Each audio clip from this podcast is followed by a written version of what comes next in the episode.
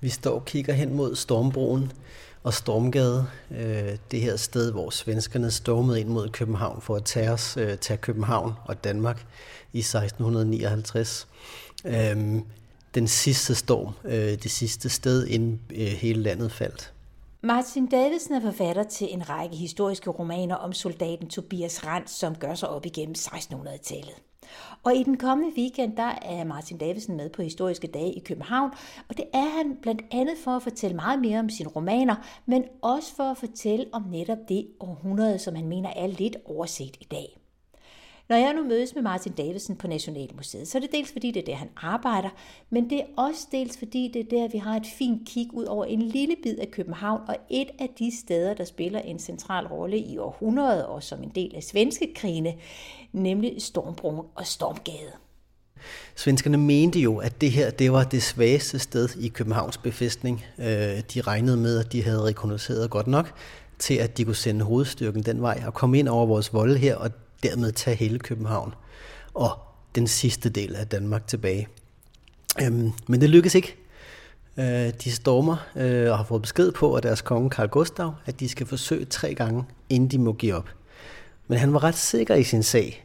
Han havde sørget for, at forsyningerne næste dag skulle leveres til de københavns byporte, fordi han regnede med, at København nu var svensk. Og han havde trykt en medalje til dem, som der klarede sig rigtig godt under stormen. Altså, jeg skal så bare lige have styr på en ting, Martin, fordi vi står jo herinde i Nationalmuseet, og jeg er helt med på, at vi står i et mødelokal, og det ligner et mødelokal ja, i sådan en lidt gammel bygning. Ikke? Alt er fint og godt. Men når du siger, at svenskerne var der, og voldene var her, så var der, jeg er godt klar, at der ikke var noget nationalmuseum i 1600-tallet, men så var der heller ikke nogen bygninger. Nej, der var vand og strand. Det her område det blev fyldt op i årene efter, hvor de store palæer begynder at blive bygget, og der kommer blandt andet prinsens palæ her.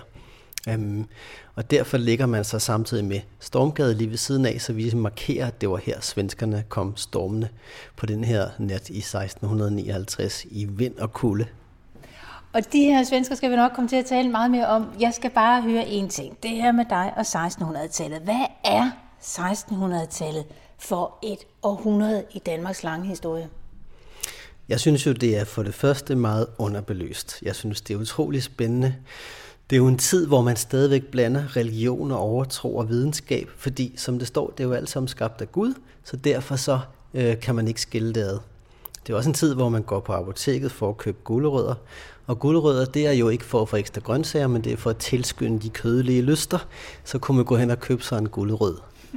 Og det er også et sted, hvor man mener, at det er videnskabeligt bevist, at hvis man drikker for meget, så kan man lige pludselig brænde op, lige pludselig springe ud i ild og brænde til døde. En frygtelig død. Øhm, så det var god kutume, at hvis man nu kørte ud af byen i buportene, der ligger måske nogle bønder, der har været på markedet og sover rosen ud, men hvis det ligger på maven, så var det god kutume at vende dem om, fordi så kunne alt det her komme ud af munden, de her stikflammer, og hvis de ikke gjorde det, så ville de lige pludselig blive brændt op. Okay, det er alligevel mange historier at set i spil her omkring 1600-tallet og gøre det straks mere kulørt, end man sådan umiddelbart går rundt og tror. En ting er de her svenske krig, og svenskerne der så på, øh, presser sig lidt på, men her i det her København, der ligger inde bag voldene, som jo altså så blandt andet har ligget lige præcis her, hvor vi står. Hvad er det for en hovedstad, vi har at gøre med?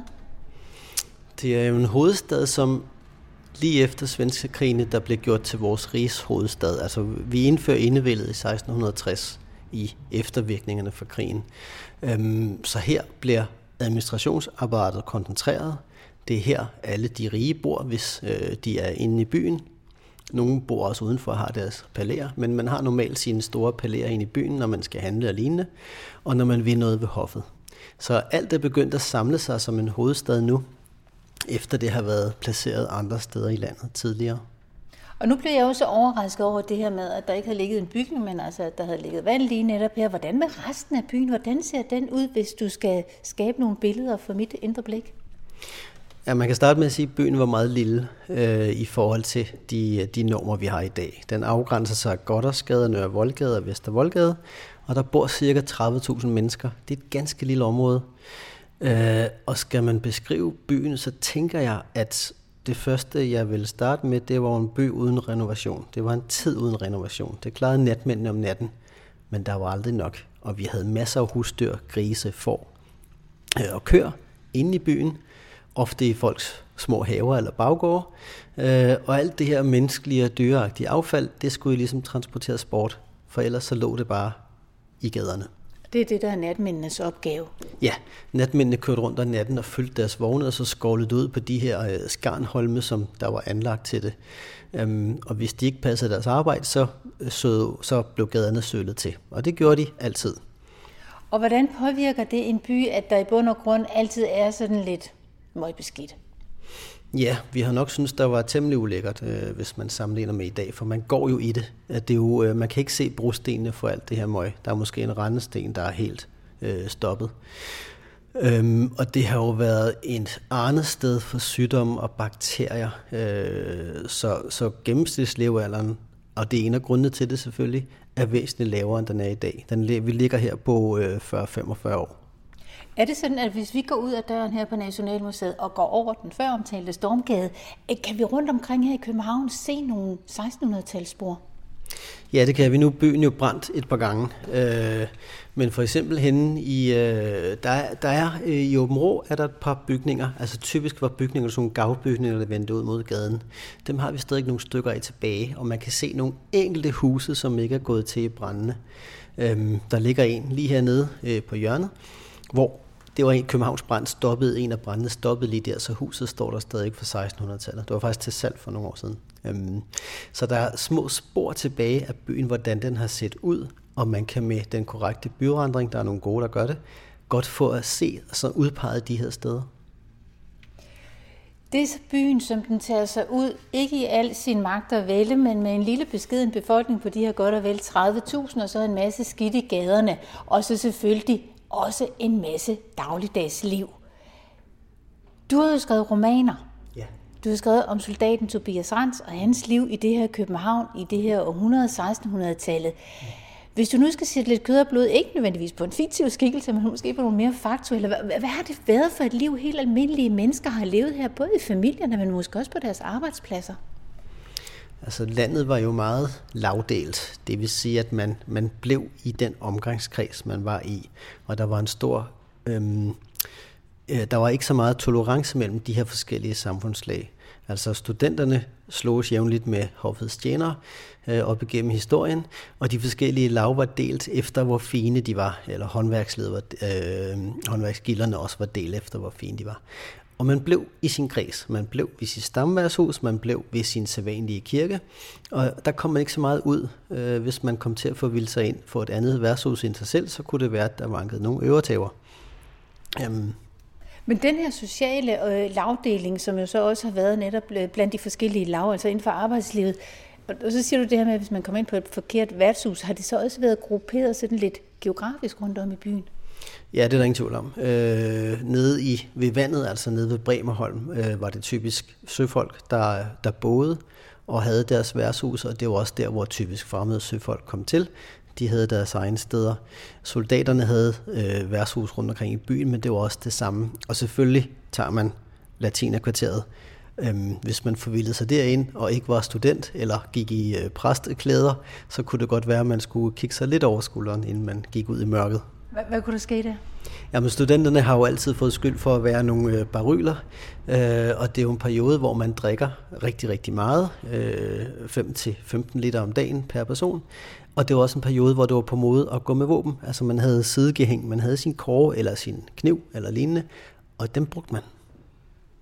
Og hvad så med øh, overklassen? For nu kigger vi over på Christiansborg. Altså hvor har de kongelige og de adelige holdt til? Altså kongen havde jo sit slot, og så havde han Rosenborg. Øhm, så, så de har været her, og så, så, så når de kommer ud, så er det for at besøge andre. Øhm, adelige og folk med penge, det kunne også være købmænd, øh, der klarer sig godt, havde typisk gårde øh, inde i byen, Østergade, øh, Købmagergade, øh, lå der nogle af de rigtig kendte, som vi kender i dag, og vi ved, hvor de har ligget. Så der havde man simpelthen en stor gård med sit eget hushold, bryggeri og måske nogle dyr også. Altså ikke nogen palæer, du, altså vi taler en gård. Ja, det var før øh, de store palæers tid, som vi er i her. Uh, vi snakker mere en, en gård i forhold til, uh, når vi snakker 1600-tallet. Det bliver lidt senere, at vi begynder at bygge de store palæer. Og hvad med de fattige? Ja, de boede overalt. Der er specielle fattige kvarter, øh, hvor, øh, og de skulle have en tilladelse til at tække, det vil sige næsten en tilladelse til at være fattige. Men de boede under kummerlige forhold typisk. Ingen renovation, meget små huse, meget små rum og rigtig mange mennesker øh, på et lille område. Og så nævnte du jo lige ganske kort det her med soldaterne. Tobias Rand, som du skriver om, som altså er en fiktiv person, men som du skriver om i dine romaner, han er jo netop soldat. Kan du ikke prøve at uddybe det her soldaterliv i 1600-tallet? Det var et lavt rangeret arbejde i forhold til det værv, man kunne få. Lønnen var rigtig lav, og det var ikke altid, man kunne brødføde hverken sig selv eller sin familie. Det var et hårdt liv. Når soldaterne ikke var i krig, så blev de brugt typisk til at grave fæstninger eller stå vagt. Øhm, og det første med at grave fæstninger, det var, et, et, øh, det var jo et hårdt slid. Altså, de havde ikke arbejdstøj til det, og vi var ikke rigtig beskyttet mod naturens luner, og det var arbejde fra morgen til aften. Så at være soldat, det var, øh, det var svært i perioden. Det var hårdt i perioden. Der var en høj dødelighed. Øh, vi har flere klager, der for eksempel da de byggede øh, kastellet om i 1660'erne, i starten af 1660'erne, hvor der blev ved med at være beskrivelser om, at dæmningerne bryder sammen, og de bliver overskyllet med det her kolde vand, og de får ikke løn nok, fordi øh, vi har reelt set øh, ikke nogen penge. Kongen har ikke nogen penge. Så den løn, de får, kan de ikke rigtig brødføde deres familie med. Det giver en masse kriminalitet, eller soldater, der er nødt til at arbejde andre steder, end kun at gå og grave hele dagen. Så, så Rosenkrantz, livregimentets næstkommanderende, skriver flere gange til, til øh, krigskollegiet, at det her det er, det er en farlig øh, ting at sætte i gang i forhold til, at soldaterne går for lud og koldt vand, bogstaveligt talt. Men hvad er under svenske krigene? Altså, hvad, hvad er lønnen så at sige, og hvad er konsekvenserne for de soldater, der er med det? Jamen, det var noget helt andet, fordi lige pludselig får vi et fælles sammenhold. Fyrsten, vores konge, Frederik den 3., han indkalder jo til et stort møde på slottet, hvor vi lover at gøre modstand anden gang svenskerne kommer. Det vil sige lige pludselig den her indtog. Og hvordan, hvornår er vi der i periode? Øh, der er vi i 1657-60, de her to svensker krig, der er så tæt på hinanden. Vi, vi laver den første Roskilde-fred, øh, hvor vi overgiver øh, Skånehallerne Blekinger og laver en, en, en fred, der koster os rigtig, rigtig meget. Og efter otte måneder, så bryder svenskerkongen freden, fordi han vil have hele Danmark. Han kan ikke nøjes med det, han får.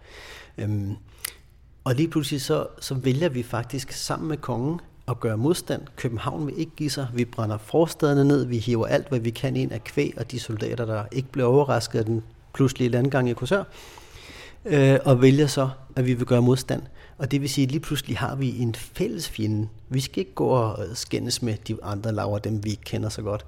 Lige pludselig er byen sammen om at grave voldene færdige, og vi deler de øh, midler, der er. Kongen erklærer, at han vil spise tageligt i sit telt ved voldene, fordi han skal ikke spise rigtig godt, hvis vi andre går og ikke skal spise så meget. Og så fastfryser de priserne på madvarer. Så lige pludselig får vi et rigtig godt sammenhold, og der er ingen, der får løn, fordi kongen kræver ikke skatter ind, når landet er besat. Og hvor længe var det her sammenhold så? Ja, det krakelerer sådan forholdsvis hurtigt efter. Øh, svenskerne er kommet, øh, det er jo en lang periode, København er belejret næsten øh, i to år. Øh, og der er flere gnidninger. Studenterne bliver taget ud af vagttjenesten på et tidspunkt, specielt når hollænderne kommer til undsætning, så kan vi sætte dem på vagt på voldene. Øh, men der er forholdsvis gnidninger, men, men, men i krigens øje, eller i den her pressede situation, vi er, så får vi alligevel holdt det så meget i lave, så vi får bygget vores fæstning, at vi får forsvaret, fest, øh, vi får forsvaret selve fæstningen i København, og vi sørger for, at de få forsyninger, der kommer ind, bliver fordelt til, til mennesker, sådan så vi ikke får nogen hungersnød i det mindste. Og så lige ganske kort, hvordan ender det hele? Jamen, svenskerne stormer øh, København 1659 den 11. februar. Øh, Herude på Stormbroen. Det er korrekt blandt andet. Der er nogle skinangreb ved Nørreport og ved Kastellet, øh, men de bliver slået tilbage alle vegne med, med ganske betragtelige tab, øh, og vores tab er næsten ingenting. Øhm, og de bliver slået tilbage, men belejringen fortsætter. De trækker sig tilbage til deres fæstning ved Brøndshøj, de har bygget, øh, og hele landet er besat. Øhm, men, men vi har sådan en status quo, fordi vi kan ikke slå dem, og de kan ikke slå, øh, slå os. Så der kommer det her slag ved Fyn, hvor vi renser Fyn. Jylland bliver renset af vores øh, allierede. Men freden bliver tvunget igennem af de udenlandske øh, øh, øh, øh udlandet, der gør, at øh, vi faktisk ikke vinder ret meget efter krigen er slut, øh, og svenskerne gør heller ikke. Og så er det altså så, at vi ovenikøbet har den her økonomiske, miserable situation, som du beskrev før, der blandt andet gør, at soldaterne ikke får særlig meget i løn og har et, et lyder det til, lidt, lidt kummerligt liv, og det er der jo ganske sikkert også andre, der har haft. Hvordan ser der ellers ud her? Altså landet lider frygteligt efter krigene. Øh, skovene er hugget ned. Kongen får ikke øh, krævet sin skat ind under belejringen under hele landet, øh, mens svenskerne er her. Øhm, der er ikke nogen, der får, altså vores, vores samfund går lidt i stykker. Øh, der er ikke nogen, der får løn af de offentligt ansatte.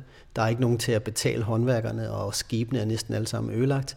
Så, så landet er meget, meget i stå efter, og der er områder med hungersnød. Der er hele områder, hvor øh, alle bøndergårdene ligger øde, fordi svenskerne inden har taget dem som soldater, tvunget dem i svensk krigstjeneste, eller vi er døde på grund af epidemier, eller gårdene bare plyndret bart for inventar, sådan så vi overhovedet ikke kan opdrive øh, et vindue eller en dør.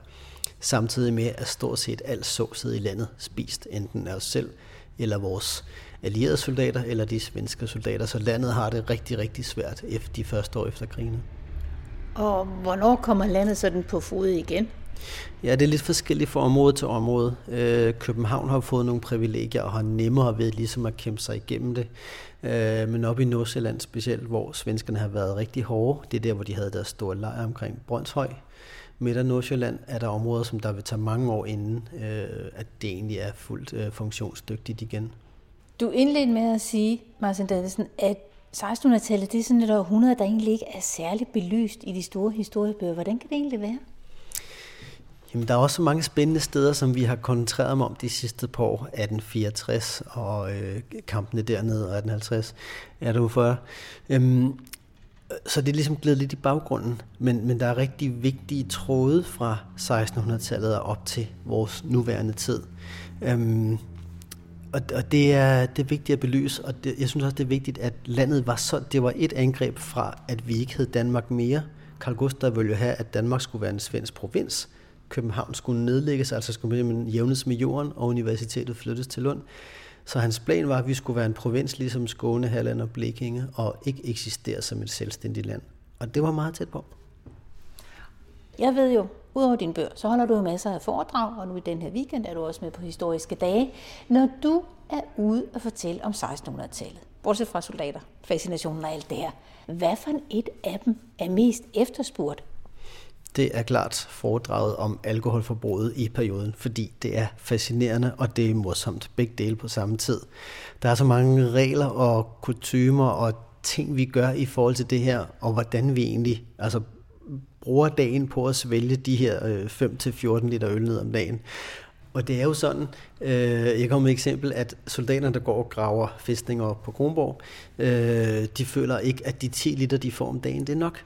Så derfor så skriver de et brev ind til kongen, øh, at de faktisk godt var på 14 liter, så de ikke er nødt til at gå øh, tørstige i seng. Men det var jo før sådan en situation, for eksempel ledelse, og hvad man nu gør for at få sine medarbejdere tilfredse, så, så der kom brev tilbage til kommandanten og siger, at de skal øh, i jern, og de skal på vand og brød. Den største straf, vand. Det er simpelthen straffen for at blive mere Det er straffen for at blande sig i ledelsen øh, for soldaterne, så det bliver simpelthen straffen. Øh, de kommer vand og brød. Jeg har også et andet eksempel på, at herinde, øh, den gode Jon har skrevet dagbog i 1600-tallet. Han er søn af Christian 4. Og de, ham og hans kammerater, stikker af for arbejdet på tøjhuset en dag og sætter sig ned på en ølstue og drikker. Men profossen, øh, det vil sige deres øverste kommanderende, han finder dem. Øh, og de bliver sat i lænker. Og det er vinter, og de bliver smidt ud på isen, og der skal de sidde hele dagen i lænker øh, på deres bare rumpe. Men inden han går derfra, så får han et par andre soldater til at have hul i isen og hælde ton liter spand vand over dem. Og så går de fra dem. Du kan høre meget mere til Martin Davidsen på Historiske Dage, hvor han fortæller om 1600-tallet og sine romaner. Og Historiske Dage, ja, det finder jo altså sted her i den kommende weekend i København. Jeg håber, vi ses.